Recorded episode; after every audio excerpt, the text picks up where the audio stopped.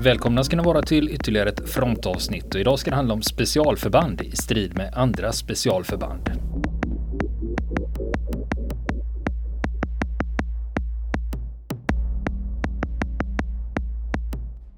Och nu ska vi fortsätta prata om specialförbandsstriderna på Falklandsöarna. Och sen, eh, det här är en parentes för den här eh, räknas inte in i den officiella Mm. Eh, I statistiken. Men, men, ur ett historiskt perspektiv är det ändå intressant för att det gäller 601 kommandos. Mm. Och den här striden som 600 kommandos utkämpar eh, är, har, eh, har, blivit ganska legendarisk mm. i, de, i den argentinska historieskrivningen. Just det. Och det här är ju innan uh, Three Para ska anfalla Mount Longdon. Då har de upprätt, då har Three Para upprättat en patrullförläggning 10 kilometer från Estancia House som är en bas och sen 3 kilometer från Mount Longdon. Och det är därifrån deras patruller utgår för att spana av området. Och det är nära en bro över floden Murrell. Och argentinarna får underrättelser om det här och ett av de argentinska specialförbanden får uppdraget att lösa det. Och det är ju 601 kommandokompaniet och de var ju ungefär 60 stycken. Och de var stationerade i Puerto Argentino det var ju så att Argentina döpte om Port Stanley när de hade landstigit och tagit över. Så de införde högertrafik och så fick Port Stanley heta Puerto Argentino istället. Ja, just mm. Men 601 här då, deras uppdrag är att anfalla patrullbasen där Three Para håller till. Och en av deras grupper tar sig fram till bron och då öppnar britterna eld. Och det är vid det tillfället eh, två brittiska patruller där. Mm. Och argentinerna besvarar elden och de understödda granatkastare. Och enligt en av de brittiska soldaterna som var där så blev de utsatta även för 50 kalibers kulspruta och GPMG. Alltså Gimpy som de kallar dem. FN Mag KSP 58. Vi har pratat om det tidigare. Och de argentinska soldaterna agerar aggressivt och rycker fram mot britterna som retirerar hals över huvud. Mm. Och när argentinerna kommer fram till patrullbasen då hittar de ryggsäckar, utrustning, en liten Union Jack och en vidrörd basker och en okrypterad radio som är påslagen. De tar med sig troféerna och drar sig tillbaka. Nu blir det inga stupade på någon sida av den här striden och det ändå höll de på i 40 minuter.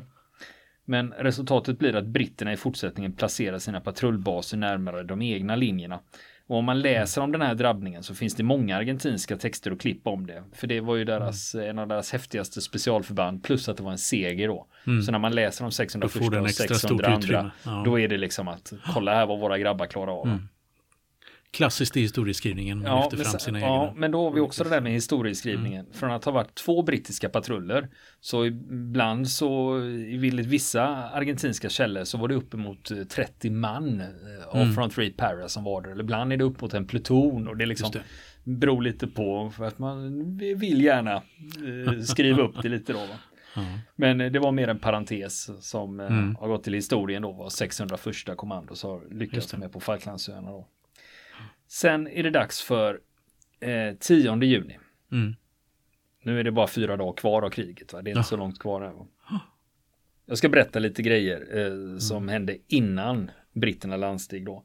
Det. Och det var så att de argentinska hade 35 mm radarstyrda och 20 mm luftvärnssystem. Mm. I Port Stanley och Goose Green på östra Falkland.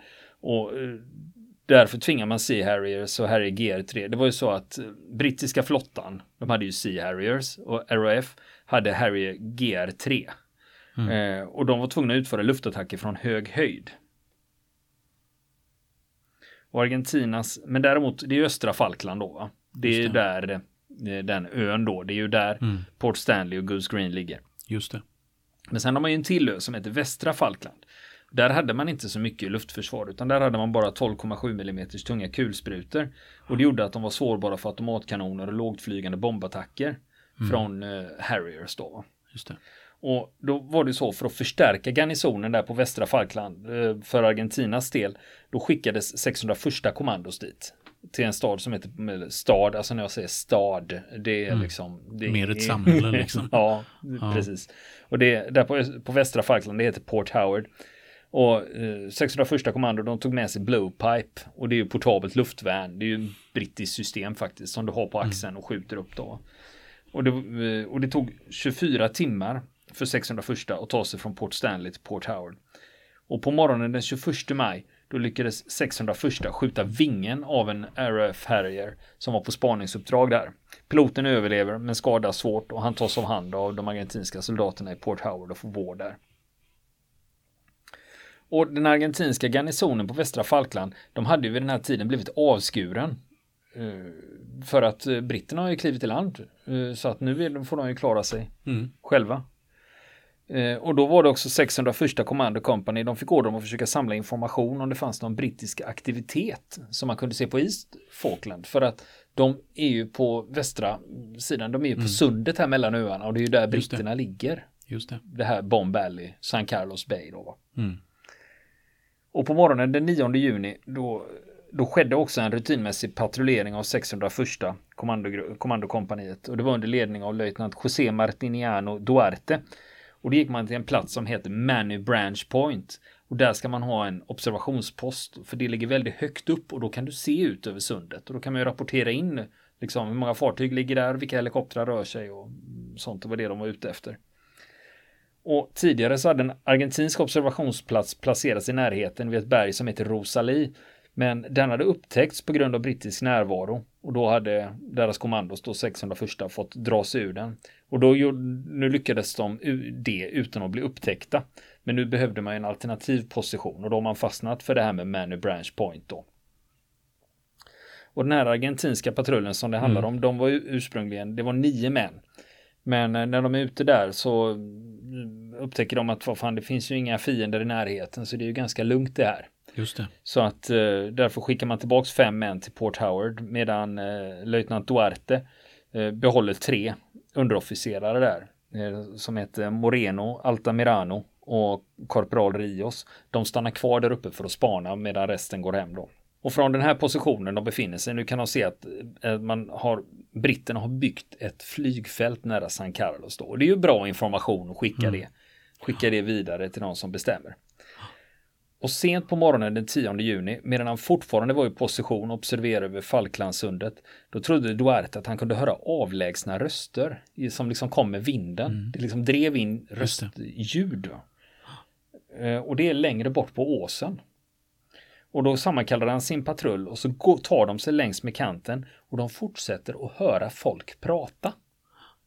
Mm. Och de hör två personer prata med varandra och då kommer de fram till en samling av grottformade klippor. Han tänkte att antingen så är det brittisk militär som har gömt sig här eller också är det väderskydd för hedar mm. som eh, är ute med sina djur eller någonting. Och när de närmar sig den här klippformationen då ser de en man med mörk hud och en stor mustasch. Och det är en brittisk soldat det här. Det är Corporal Roy Fonseca. Han tillhör egentligen signaltrupperna men han var utlånad till SES för att sköta samband. Och han hade indiskt ursprung. Det är mm. därför han är väldigt mörk i hyn och har mm. stora mustascher ja, den stora mustaschen kan man ju ha ändå utan ja, att vara från precis. Indien. Men i det här ja. fallet så var han mörkhyad och hade en stor mustasch. Ja. Lägg märke till att han har ett spanskt namn. ja. saken ännu mer. Lite internationellt. Ja. Men eh, Fonseca, han är klädd i kamouflageuniform och har på sig en grön balaklava. Och så, de har legat skyddade. Bra, men plötsligt så går han ut ur det här skyddet och står liksom för allmän beskådan. Och han vet inte om att de argentinska kommandosoldaterna är i närheten. Så han, han står och tittar i en helt annan riktning. Han ser mm. inte att de är där. Nej. Och den argentinska patrullen, de börjar tveka lite här. Mm. För att, eh, för när de ser honom så ser de den här balaklavan, den här gröna balaklavan han har. Mm. Rånarluvan, den liknar den som har tilldelats deras egna styrkor. Och då blir de plötsligt osäkra. Vad fan, är det en engelsman eller är det en av ja, våra just. liksom? Så istället för att öppna eld så ropar Duarte till dem. Argentinos och ingleses. Alltså är du argentinare mm. eller engelsman? Mm. Och, och Fonseca vänder sig mot honom och fryser till. Och stirrar på honom som om han var bedövad. Och han svarar inte heller. Mm. Efter en kort tystnad skriker löjtnant Duarte på engelska. Hands up, hands up. Och som svar på det här, hands up, hands up, då kastar sig Fonseca till marken, får upp ett vapen och öppnar eld mot Duarte och kulorna slår in i klippan framför honom. När han hukar sig bakom klipporna. Och när han träffar ju stenen där så det ryker mm. upp en jävla massa stendamm så Duarte han blir förblindad ett kort tag där av den här plötsliga mm. eldgivningen då. Och den argentinska patrullen, de skjuter sig ner i skydd och lägger sig i eldställningar och öppnar eld. Och Fonseca hoppar upp och springer tillbaka in i klipporna där han hade kommit ut ifrån. En eldstrid inleddes mellan, de fyr, mellan fyra argentinska soldater och eh, de två stycken i SES-patrullen. För det är en Hamilton och sen är det Fonseca. Så de är två stycken där bara. Under striden så kastar eh, den argentinske sergeanten Moreno två granater mot den brittiska posten och fick som svar en brittisk 40 mm granat som exploderar några meter bakom. Och Hamilton som skjuter på eh, 600 första här inifrån observationsposten ihop med Fonseca. Han träffas av en kula i armen. Så nu är Hamilton sårad. Och under elden från Duartes patrull så försökte det brittiska stridsparet att överge positionen och retirera upp den korta sträckan längs med åsen. För de vill eh, komma bakåt och dessutom få ett höjdövertag. Och då finns det en annan poäng också. När de kommer upp på krönet, då kan de ta sig ner på baksidan och då är de ju i skydd. Just det. Så det är det de försöker göra nu. Och kapten Hamilton från SES, han beordrar Fonseca att retirera som ett första drag. Och eh, om du sticker bakåt så täcker jag dig med eld då. Så det är mm. det som sker. Fonseca sticker iväg upp för backen. Och då träffas Hamilton återigen av skott från löjtnant Duarte och dör mm. när han försöker lämna den här observationsposten. Så han mm. stupar mm. där. Och Fonseca, han inser ju att det är ganska kört så han eh, kapitulerar kort därefter och tas som krigsfånge. Mm. Och nu var det ju så att Hamilton som stupar där, han hade inte några förbandstecken eller gradbeteckningar på sig. SES har ju inte det när de är ute utan de, har ju, mm. de är ju ganska anonyma på det viset. Eh, men de identifierar honom med ID-brickan då. Och sen, när de, eh, och sen när den argentinska patrullen undersöker det här observationsstället, då hittar man också en radio, en M16 AR-15, automatkarbin, och en radiofyr, kartor och en kommunikationskodbok då. Men nu var det ju så att man tycker, vad fan, Fonseca och Hamilton, var det bara de två där? Eller mm. varför har man två man bara?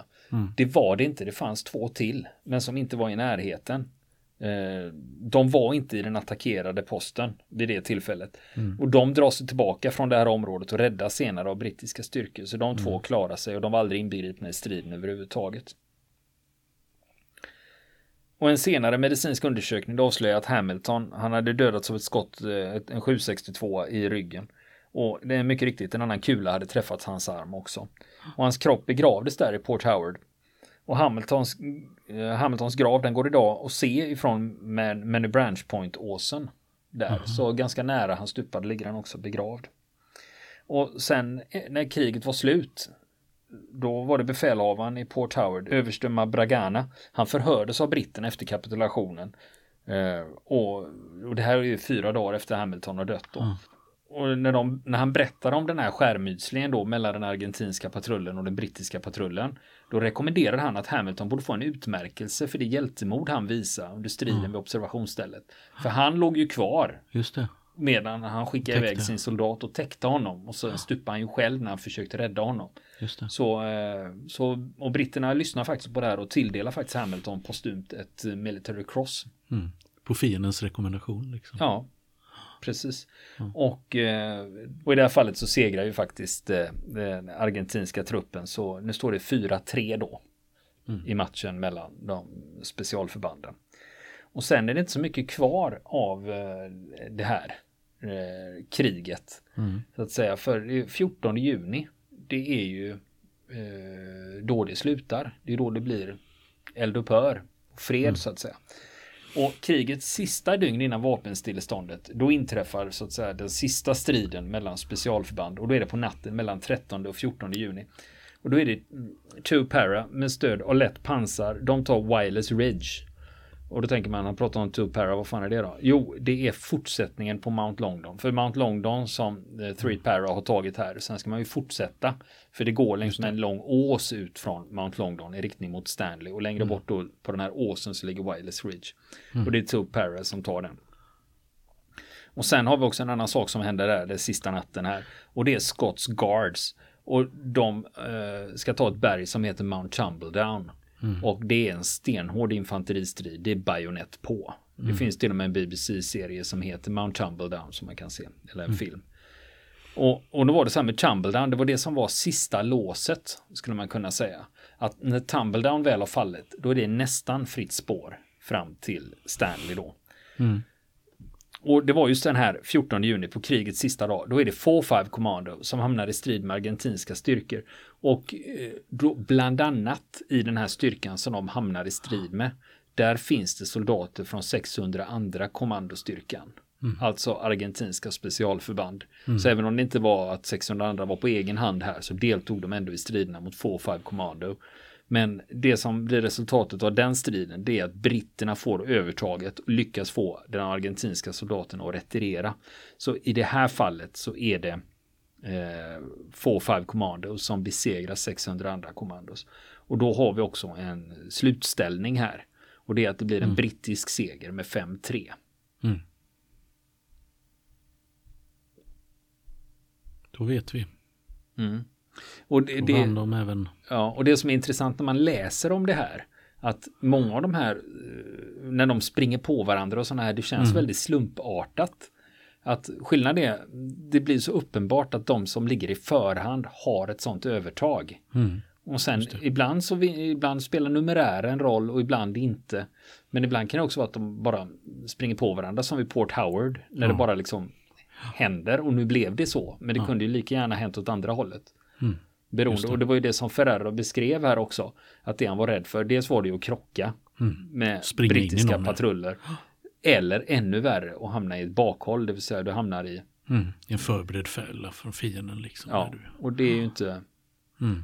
roligt Nej. om det inträffar. Nej, precis.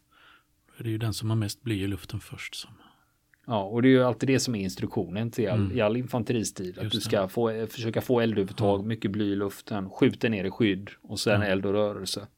För att försöka få ett övertag. Men det. Eh, där, och det som är intressant här när man pratar om de här, det är också det, det är där, lite därför jag är intresserad av Falklandskriget. Det är ju mm. det här att i viss mån var ju, det fanns ju en viss jämbördighet här. Va? Mm. i beväpning. Att, jag menar om man tänker sig den brittiska infanterisoldaten hade en SLR och argentinerna hade FN FAL, det är ju fan samma vapen. Ja. Och du har att, inga, egentligen inte några understödsvapen att tala om som ja. väger upp på någon sida. Utan, jo, eh, eh mm. det blev ju det. Eh, faktiskt mm. som utnyttjas. Nu har vi inte nämnt så mycket om det i, de, det här avsnittet mm. av naturliga skäl. Ja. Men det var ju det att britterna hade ju tillgång till fartygsartilleri i en del sammanhang. Ja. Men så i man, de här striderna? Just I de här striderna var det ju liksom inte Nej. frågan om det. Det var ju en så att säga artilleriseger där mm. Argentina faktiskt lyckades driva bort Mount Wall. Mm. När man lyckas driva bort eh, britterna med hjälp av artillerield. Mm. För eh, det förekom artilleribeskjutningar i många av de här slagen. För britterna gjorde ju vad de kunde för att få fram sin, de var lite kort om helikoptrar också. Mm. De hade förlorat nästan alla sina Chinooks där när eh, Atlantic Conveyor, mm. fartyget sänktes. Då.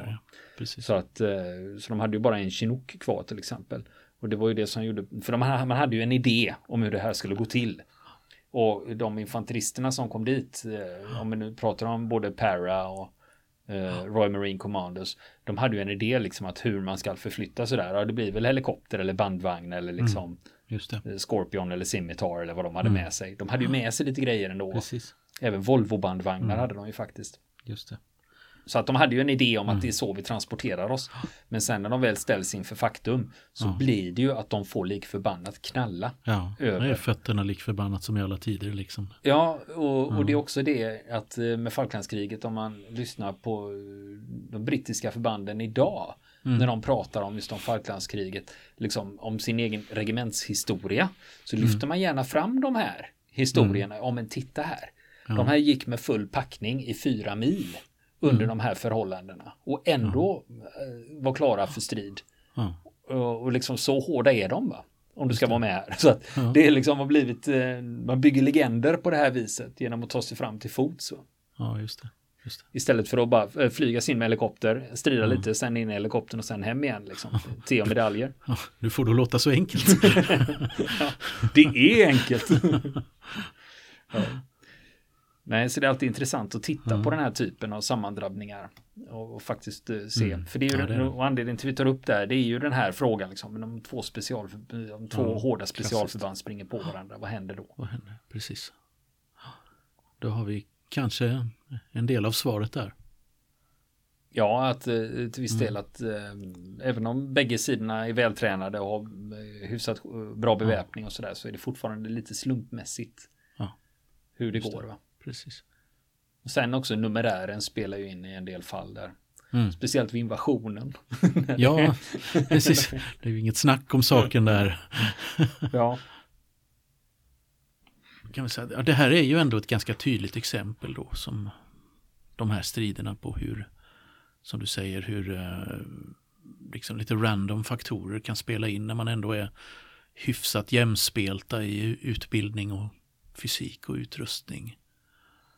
Och så Ja, vidare. ja, Tillfälligheter som, ja, men det känns ju väldigt mycket som det- handlar om att hamna i, försöka Ja. hamna i förhand. Va? just det. Bara det att du ligger i Mm. förhand. eh, Och Mm.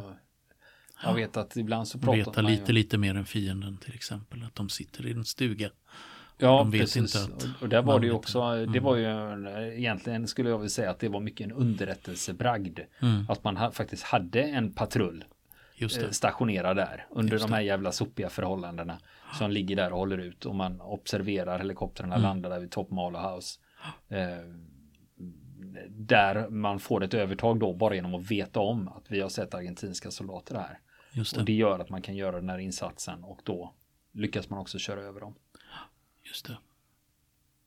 Men å andra sidan, det jag också slås av det här att i många fall så är det ju det är ju inte så många sårade eller så många stupade Mm. utan ibland så är det de här skärmytslingarna då. Mm, Att man blåser på varandra men ibland kan det vara också svårt att se att det finns en reell segrare liksom. just det. Men i många fall så får man ju räkna så här liksom vad hade de för mål med det de gjorde? Mm, Och i det fallet så är det ju ganska Ja. lätt att se just det. Just vem det. som vinner. Vill ni komma i kontakt med oss så kan ni göra det via vår Facebook-sida som heter Fronten. Det är inga problem för er att leta er fram där. Eller också så mejlar ni på vår mejladress och det är frontenpodcast@gmail.com.